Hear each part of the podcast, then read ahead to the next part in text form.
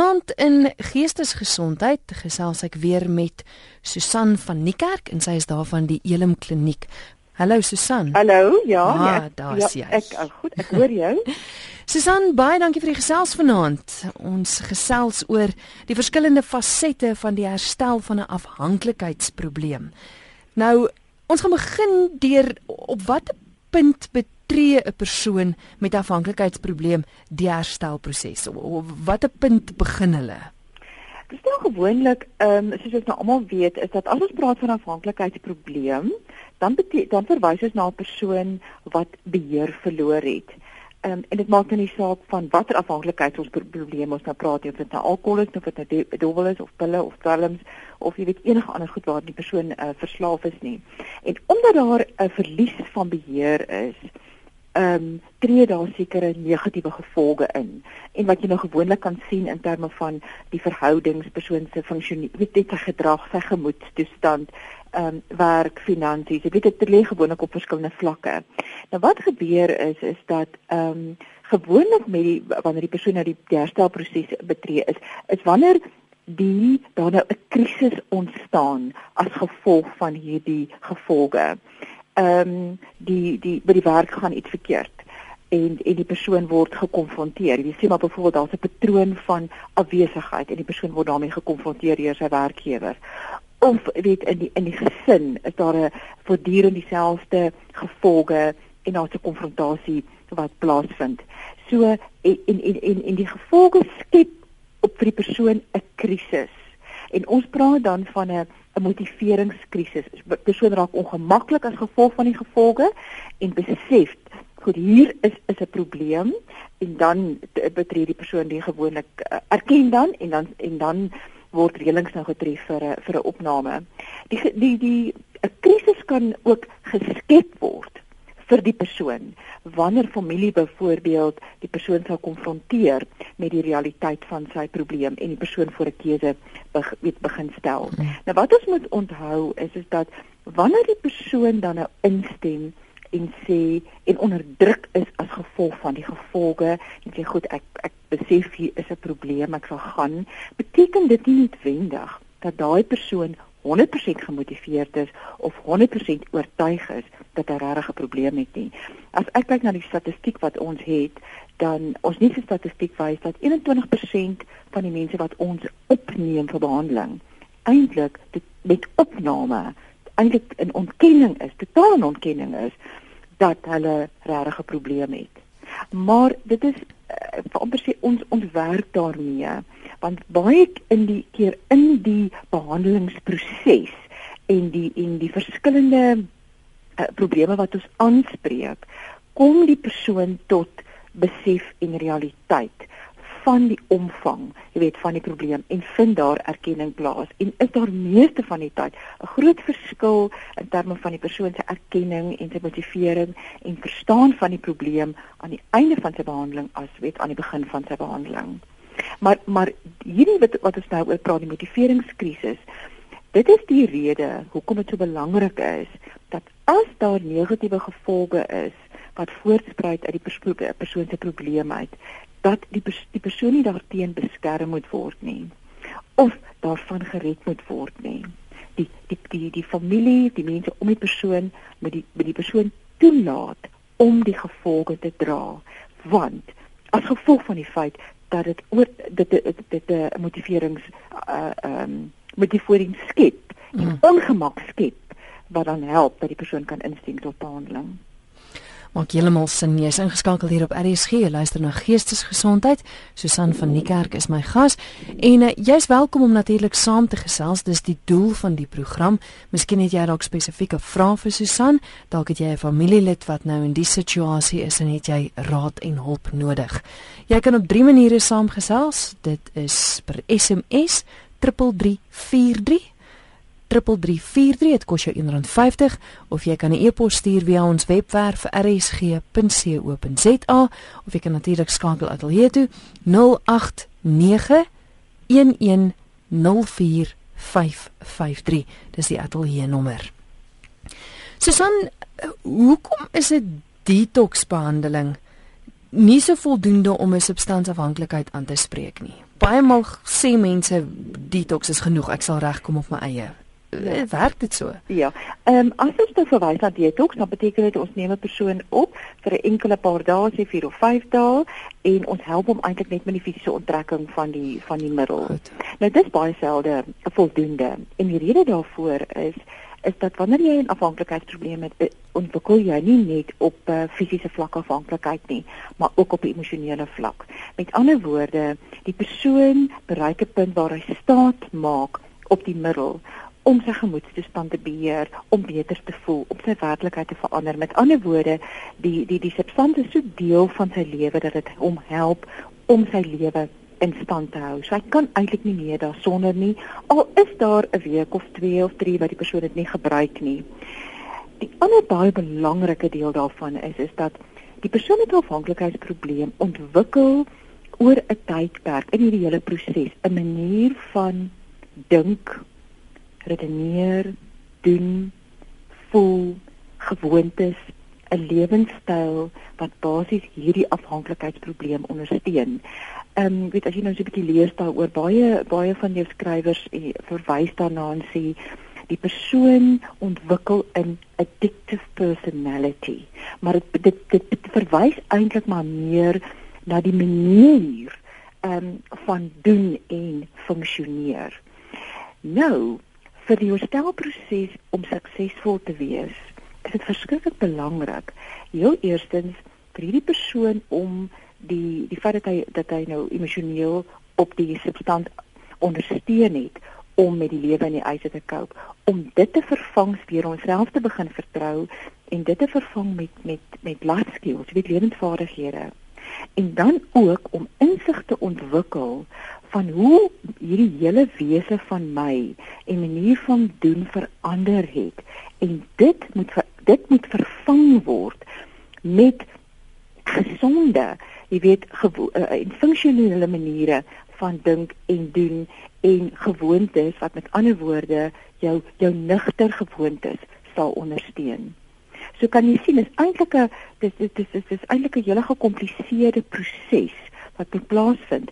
Dis hoekom om net ook sê op te hou drink of op te weet um, sy alkohol drink of pille te drink of dwelms te gebruik, dit los nie die probleem op nie. Dit verander niks van hierdie goed nie as jy nie hulp kry om bewus te raak van sê wat het met my as mens in hierdie hele proses gebeur nie en mense onderskat hierdie totale proses en jy kan vir jouself dink die tydperk wat wat wat dit gewoonlik neem vir 'n afhanklikheidsprobleem om te ontwikkel Ehm um, in in in in in al hierdie soortgelyke prosesse. Nou kan jy vir jouself dink as 'n persoon um, nou net 'n detox vir 4 of 5 dae kry. Al wat hy doen is hy kom met 'n punt wat hy fisies bietjie gemaklik voel, maar niks van dit kan in daai tydperk ehm um, aangespreek word of eintlik enigsins verander nie. Maar nou het jy weer nigter tyd nodig en uh dit inter, professionele intervensies nodig om jou te begelei ten opsigte van dit wat jy nodig is om plaas te vind. Hm. Gestel iemand het nou die hele proses deurgegaan by 'n rehabilitasiesentrum en die behandeling is afgehandel. Die persoon gaan nou uit. Is die persoon genees van sy probleem? Ons sê seker so hoop, ja. ja, nee, ja. Weet jy, ja, ek ek ek dink weet dit is wat ons wat ons maar almal wat mense maar nou hoop. Maar genesing, as ons op die woord genesing gebruik, dit sou impliseer dat die persoon kan teruggaan en sê nou kan hy gekontroleerd alkohol gebruik of hy kan kan gekontroleerd ehm um, ehm uh, dubbel of hier en daar weer sê sy medikasie gebruik. En ongelukkig is dit nie moontlik nie.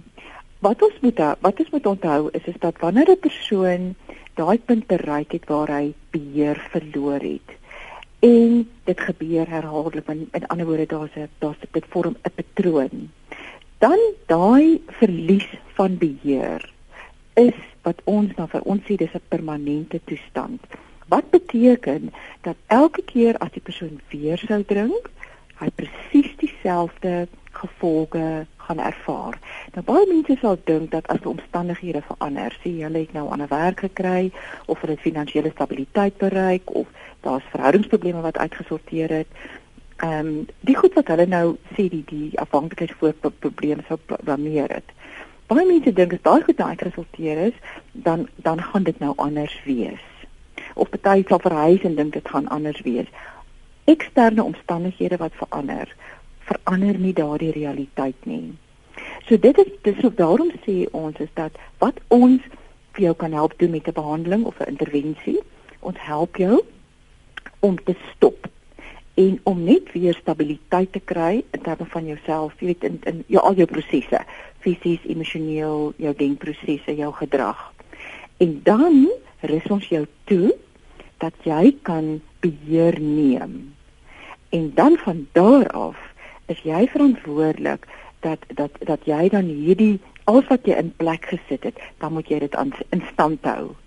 So so uh, met ander woorde dis deurgaande verantwoordelikheid wat hierdie persoon moet moet moet aanvaar vir vir ek amper vir die res van sy lewe.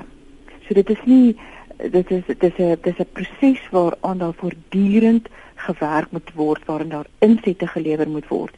Ehm um, sodat jy hierdie gewoontes kan sober gewoontes kan in stand hou. So mens kan eintlik sê dat die herstelproses nooit afgehandel is nie. Ja, weet jy wat gebeur as jy kyk na mense wat ehm um, 15, 20 jaar, 35, 30 jaar ont, daar's baie van hulle ehm um, wat vir ons so met die jare vir ons terugvoer gee. En wat wat gebeur met hulle is is dat hulle aanvanklik baie hard werk om gesonde leefgewoontes weer te skep. Om die faktore wat bygedra het tot die probleem om dit aan te spreek. Met ander woorde hulle hulle hulle hulle hulle verstaan hulle probleem, hulle verstaan waar hulle kwesbaarhede is, dit aanvanklik hulle sorteer dit uit. Hulle skep hulle dan 'n lewenstyl wat dan hierdie nigter gewoontes vir hulle sal help in stand hou. En as hulle eers daai harde werk gedoen het en daar is 'n 'n gewoonte gevestig, al wat hulle dan doen is, dan hou hulle dit in stand en en dan raak dit gemaklik en dan dan is dit hulle tweede natuur, dan is dit hulle gewoonte. Jy weet ons weet net maar wat die gemag van gewoontes is. En dan is dit maar die aanvanklike om daar te kom. Dit is baie harde werk. So. Hier het 'n SMS deurgekom van 'n luisteraar wat sê Wens 'n krisis het ek afhanklik geraak. Ek is nie seker of dit medisyne is nie en toe raak my voorskrif op. Ek was by die poorte van die hel self met onttrekking. sien dokter vir hulp met uitroeptekens ek ek kan myself nie indink nie maar maar wat behels uh, as mense onttrekking het? Ja ja dit dit, dit ek dink wat ehm um, dit klink amper asof dit ehm um, medikasie kan wees. Ja hier is 'n naam ben, ben maar ek weet nie of daar 'n ja, letter daar ja, is ja, nie. ja ja ja ja da, ja daar is 'n binne ja. Weet jy ja dit dit hang af die die onttrekkingssimptome hang baie af van die die die middel wat die persoon gebruik. Goed. en gewoonlik maar medikasie veral as dit nou weet kodien bevat in 'n medikasie is dan is dit weet 'n spierpynne totale lyf weet lyfpynne hoofpynne ehm um, sweet weet 'n nag sweet ongelukkige fisiese ongemak en pyn wat hierdie mense verduur. En en baie dikwels raak mense aan medikasie verslaaf. Ehm um, weet hou nie by die voorskrif presies soos die dokter voorgeskryf het. Daar's 'n rede hoekom 'n dokter vir jou sal sê of die pamflet vir jou aandui, ehm um, moenie langer as 10 dae aan eenlopend gebruik nie. Ehm um, of 'n dokter sê net vir soveel dae of net ehm um, gebruik net soveel 'n dag. Daar's 'n baie spesifieke rede hoekom dit so is. En baie keer dink mense omdat die, die dokter 'n middel voorskryf, is dit nie afhanklikheidsvormend nie. En en en en baie mense raak aanvanklik, ek wil amper sê onskuldig, ehm um, afhanklik van van medikasie en afhanklik en afhanklik is dit 'n net 'n fisiese afhanklikheid die persoon het die medikasie nodig anders gaan onttrekkingssimptome kry.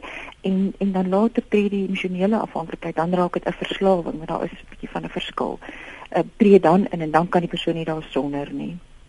Ek gaan spesifiek met Sorika wat ook daar by die Elim kliniek is die 19de Augustus gesels ons spesifiek oor ja, verslawing aan medikasie. Ja, ja, ja ek dink dis so.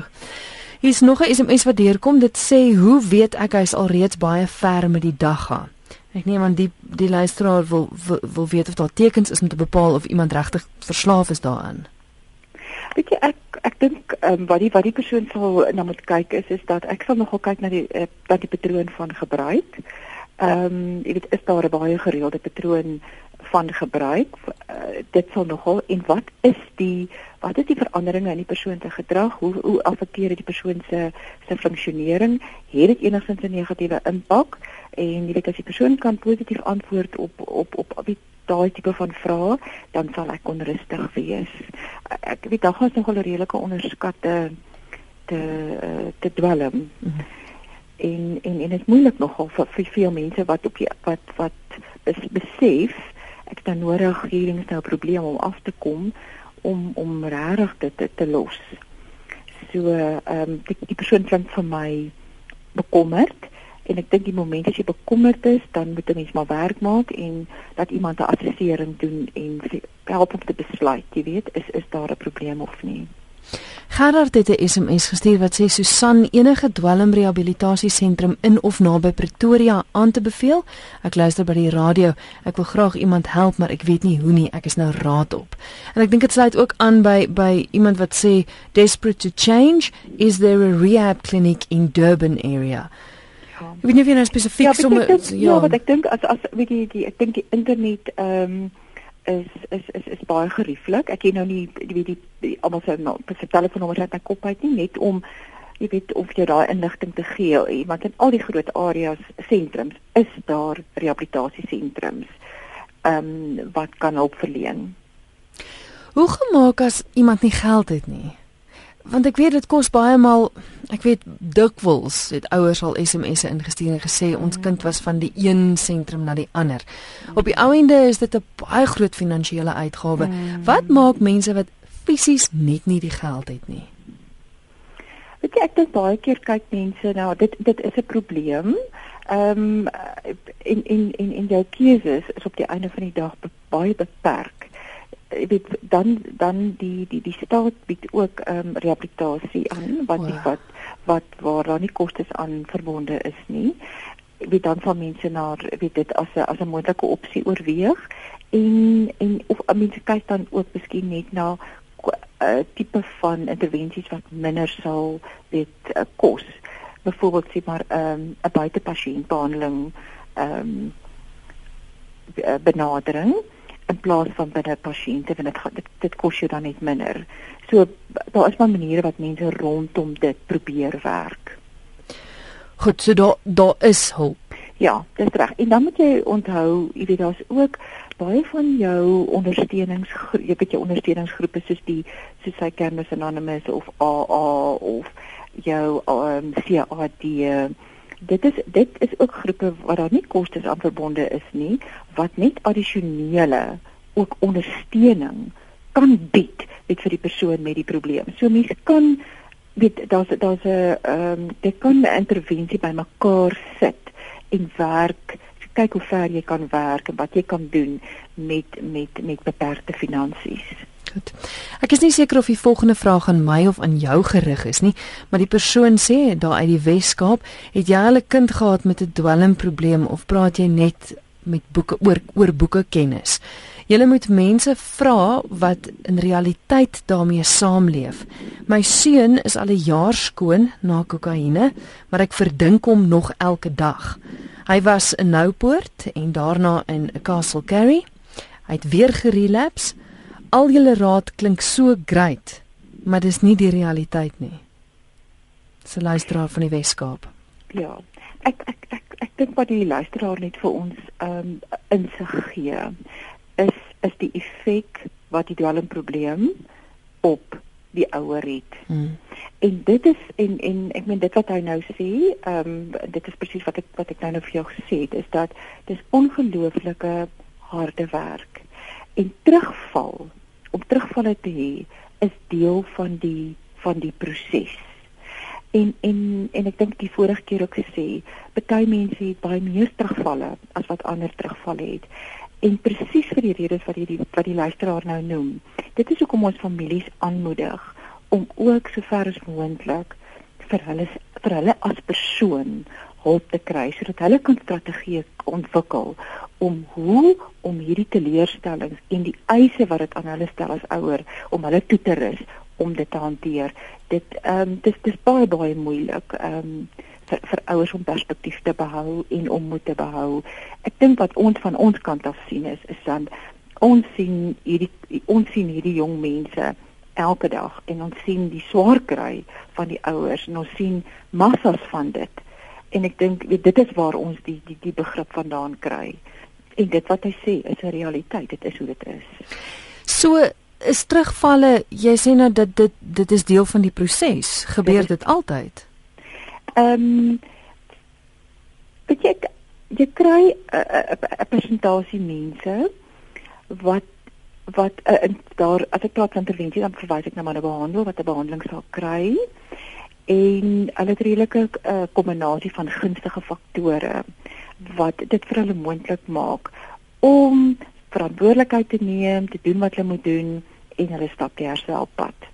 Dan kry jy 'n ander groep van mense wat daar seker meer ongunstige faktore is, dit maak dit vir hulle bietjie moeiliker. Hulle het 'n hele paar intervensies nodig voordat hulle by die punt kom.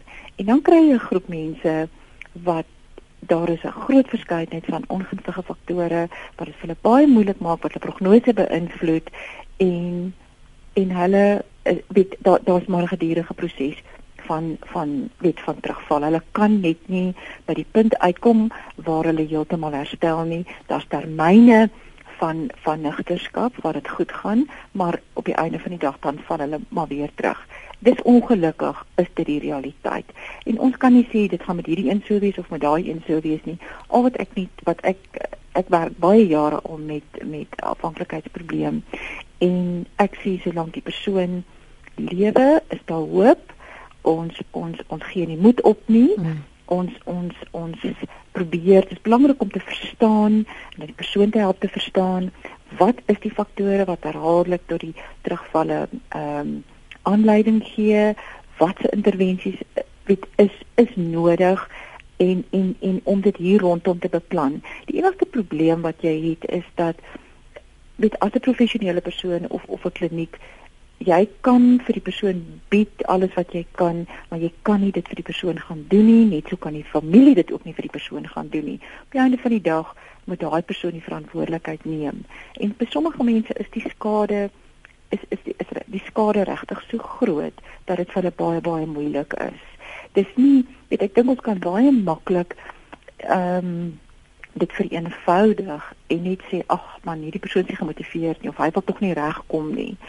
Dit is nie so eenvoudig nie. Dit is baie baie meer kompleks. Want om in die, om om 'n verslaafde te wees is vir die verslaafde self hel want jou lewe word gedomeineer deur ehm um, deur 'n bepaalde probleem. En jy elke dag dra jy daai gevolge maar dit is net so moeilik om daar daar uit te kom. Dit is nie altyd so so maklik nie. So daar's baie dit is eintlik dis eintlik kompleks. Ja.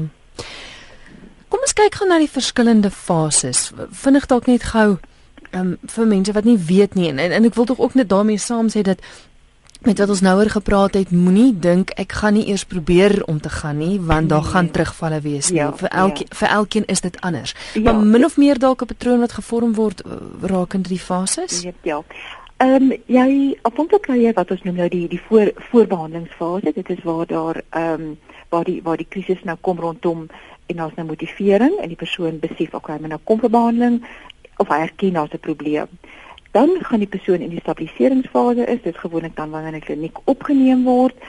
En ehm um, en dit is waar ons dan nou die persoon help om stabiliteit te kry oor sy denkprosesse en emosioneel en en sy gedrag. En dan is daar die vroeë herstelfase. En dit is gewoonlik waar die persoon dan aanvaar dat hy 'n probleem het. En hy leer nou om dag vir dag deur te kom en en soort van met die eise van om om nie te gebruik nie, weet om daarmee te cope.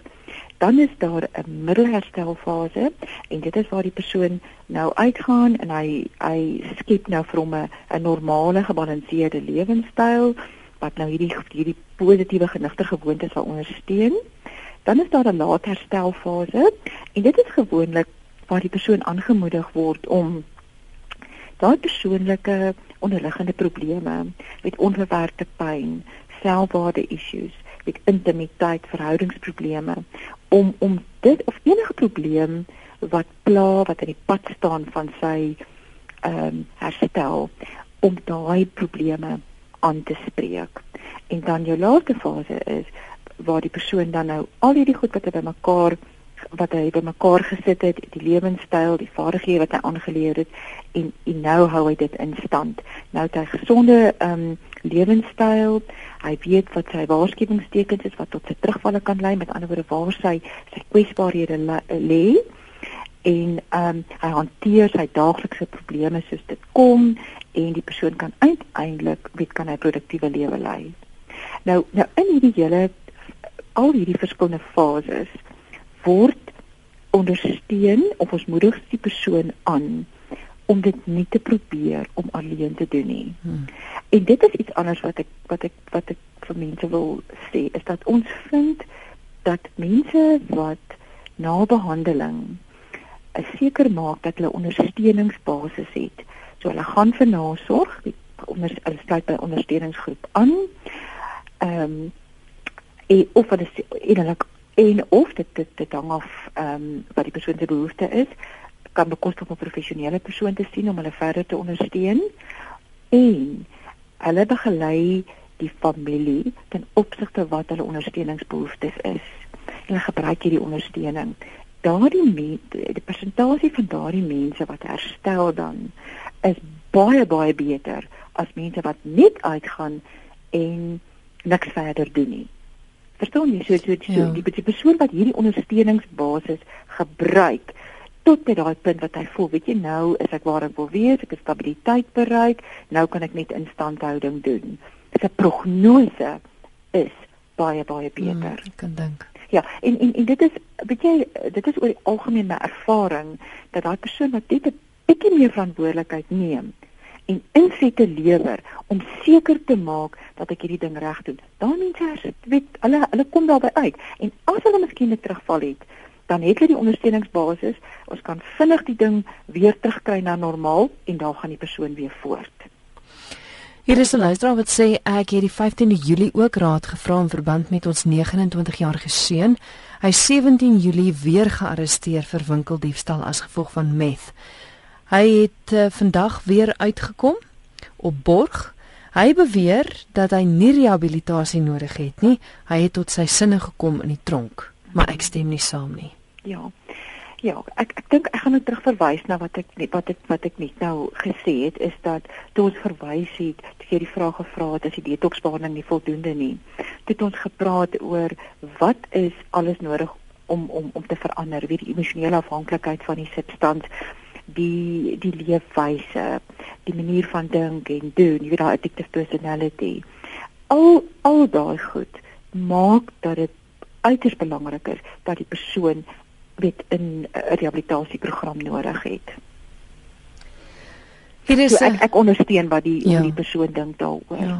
Hier is 'n positiewe SMS wat ek tog wil lees. Is 'n luisteraar wat sê: "Susan het my by Elim 5 jaar gelede die geheim van die lewe geleer sommer in hoofletters. En dit was om anders oor als te dink.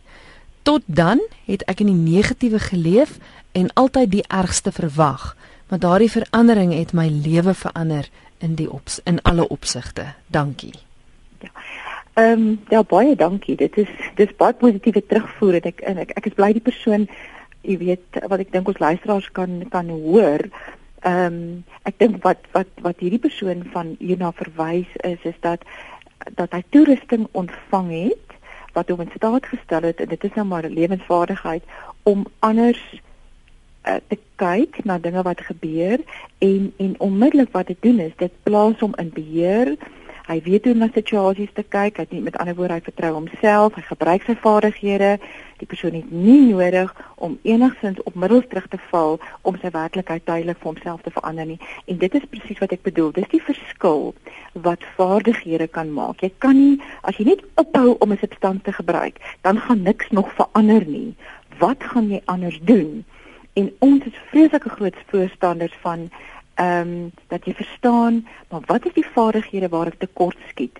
Wat is die vaardighede wat ek nodig het om my toe te rus dat ek aan dat ek my die spesifieke eise waarmee ek sukkel, dat ek dit kan hanteer. En dit op die einde raak jou plaasvervanger. En dan dan dan gebruik jy jou vaardighede en en jy kan die eise van die lewe hanteer. Hier is iemand wat wil weet hoe gevaarlik is die Oka-pyp wat gerook word deur baie mense, selfs kinders. Ehm um, praat hulle nou van die soort van die hubbly bubbly. Ek neem aan dis dit. Ek ek ja. die die ja ja. Ehm um, weet jy dit is baie dis baie algemeen onder jou onder jou onder jou skoolkinders en ons het nou ons nou gedurig waarskuwings wat wat uitgaan om te sê dat ehm um, jy weet dit is baie baie gevaarlik. Dit word glad nie glad nie aanbeveel dat die kinders dit sal ehm um, enigstens gebruik nie. Dit is nou 'n luisteraar, dit is Arno de Tooi wat sê ek het onlangs 3 weke gelede deur 'n geweldige krisis gegaan van alkoholmisbruik. Ek het myself probeer dood drink. Ek is werkloos, het geen inkomste nie en het geweldige neeweffekte 4 dae na die drinksessie ervaar. Al die plekke wat genader word om rehabilitasie vra geweldige somme geld. 'n Spesifieke ja. rehabilitasiesentrum in Kaapstad vra R23000 vir 'n 5 weke lange program. Ek het tot die besef gekom dat ek 'n alkolikus is en dat ek werklik waar hulp nodig het. Ongelukkig is daar nie 'n AA tak in die dorp waar ek woonagtig is nie, dog ek het 'n AA boek in die hande gekry wat ek tans op my eie deur werk. Ek is gedetermineerd om te herstel en het tot hede nog nie weer gedrink nie. Maar soms kry ek 'n geweldige versigtiging na alkohol, maar benader elke dag net vir daardie dag, een dag op 'n slag. Dog ek is radeloos omtrent die inrig die inrigting wat soveel geld vra wat ek nie het nie. Ek het deur die onttrekkingsstadium geworstel en word per e-pos bygestaan deur 'n psigiater, vriend van my, wat ook alles in sy vermoë probeer doen om my te ondersteun, tog hy is ver verwyder van my. Hy's in Kaapstad, lyk like dit my. Wat staan my te doen om hulp te kry? Finansies is ongelukkig nie beskikbaar nie. Ja. Ek ek wonder, ek het nou nie idee waar die persoon bly nie. Ek wonder of die persoon nie die Denate departement van gesondheid ehm um, aan sy jy weet dorp sal kan kontak nie en net hoor watter prosedure hy kan volg vir vrywillige opname en visie in die naaste staatsfasiliteit nie. Want hy's hy's ek meen hy wil so graag. Ja, ek hoor dit. Ja. Weet jy, ja. Ek ek dink net wat wat vir my baie interessant is van hierdie persoon is dat jy kan sy desperaatheid hoor, maar jy kan ook dat ten spyte van sy beperkte uh middele wat hy het kan jy tog net hoor hoe hy uit sy pad uit gegaan het om wel ja. moeite te doen um met die minimum tot sy beskikbaar. So weet hier's 'n baie duidelike baie baie goeie motivering. Miskien kan hy net na die departement van gesondheid kontak. Susan, hoe maak luisteraars as hulle nog verder vra het? As hulle miskien dalk dalk wil hoor waar hulle kan aanklop, miskien is daar dalk iemand in die omgewing waar jy is, kan hulle julle kontak? Weet jy, is welkom om ons te bel of hulle kan ook 'n e-pos stuur um, na info@elimklin.co.za of hulle kan bel 011 975 29 ja. 51 goed. Ja. Ja. Ek miskien die laaste ding en um, Christel is dat as ons as ons nou as ons nou praat van die herstelproses ek het in die begin gesê dis 'n proses dit vind oor 'n tydperk plaas. En ons praat van ons praat van terugvalle. Terugvalle is deel van hierdie proses. Terugvalle sê vir ons is iets wat verkeerd gaan ons probeer vasstel wat het verkeerd gegaan en verstaan. Kyk as die persoon kan help om dit terug, terug weer te herstel. Ons sien dit nie noodwendig as die persoon het nou in sy behandeling gefaal nie. Hmm. ons sien dit net as 'n as 'n as 'n tydelike situasie waaruit ons kan leer. Ehm um, die persoon kan meer leer van homself en sy kwesbaarhede, meer leer van die eise van die probleme in die herstelproses en dan weer vorentoe beweeg daar's daar's altyd hoop.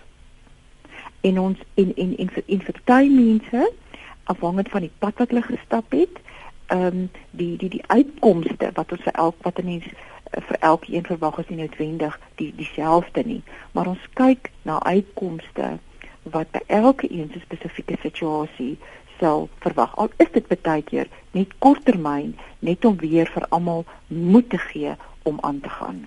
Maar daar's altyd hoop. Dis goeie woorde om mee te eindig. Susan baie dankie. Dankie Christel. Dis Susan van Niekerk met wie ek gesels het. Sy is daar by Elim Kliniek. En net gou weer die telefoonnommer wat jy kan skakel 011 975 2951. Dis Elim se nommer. Jy kan ook 'n e-pos stuur aan info@elimklin.co.za of besoek hulle webwerf elimklin.co.za www.rsg.za.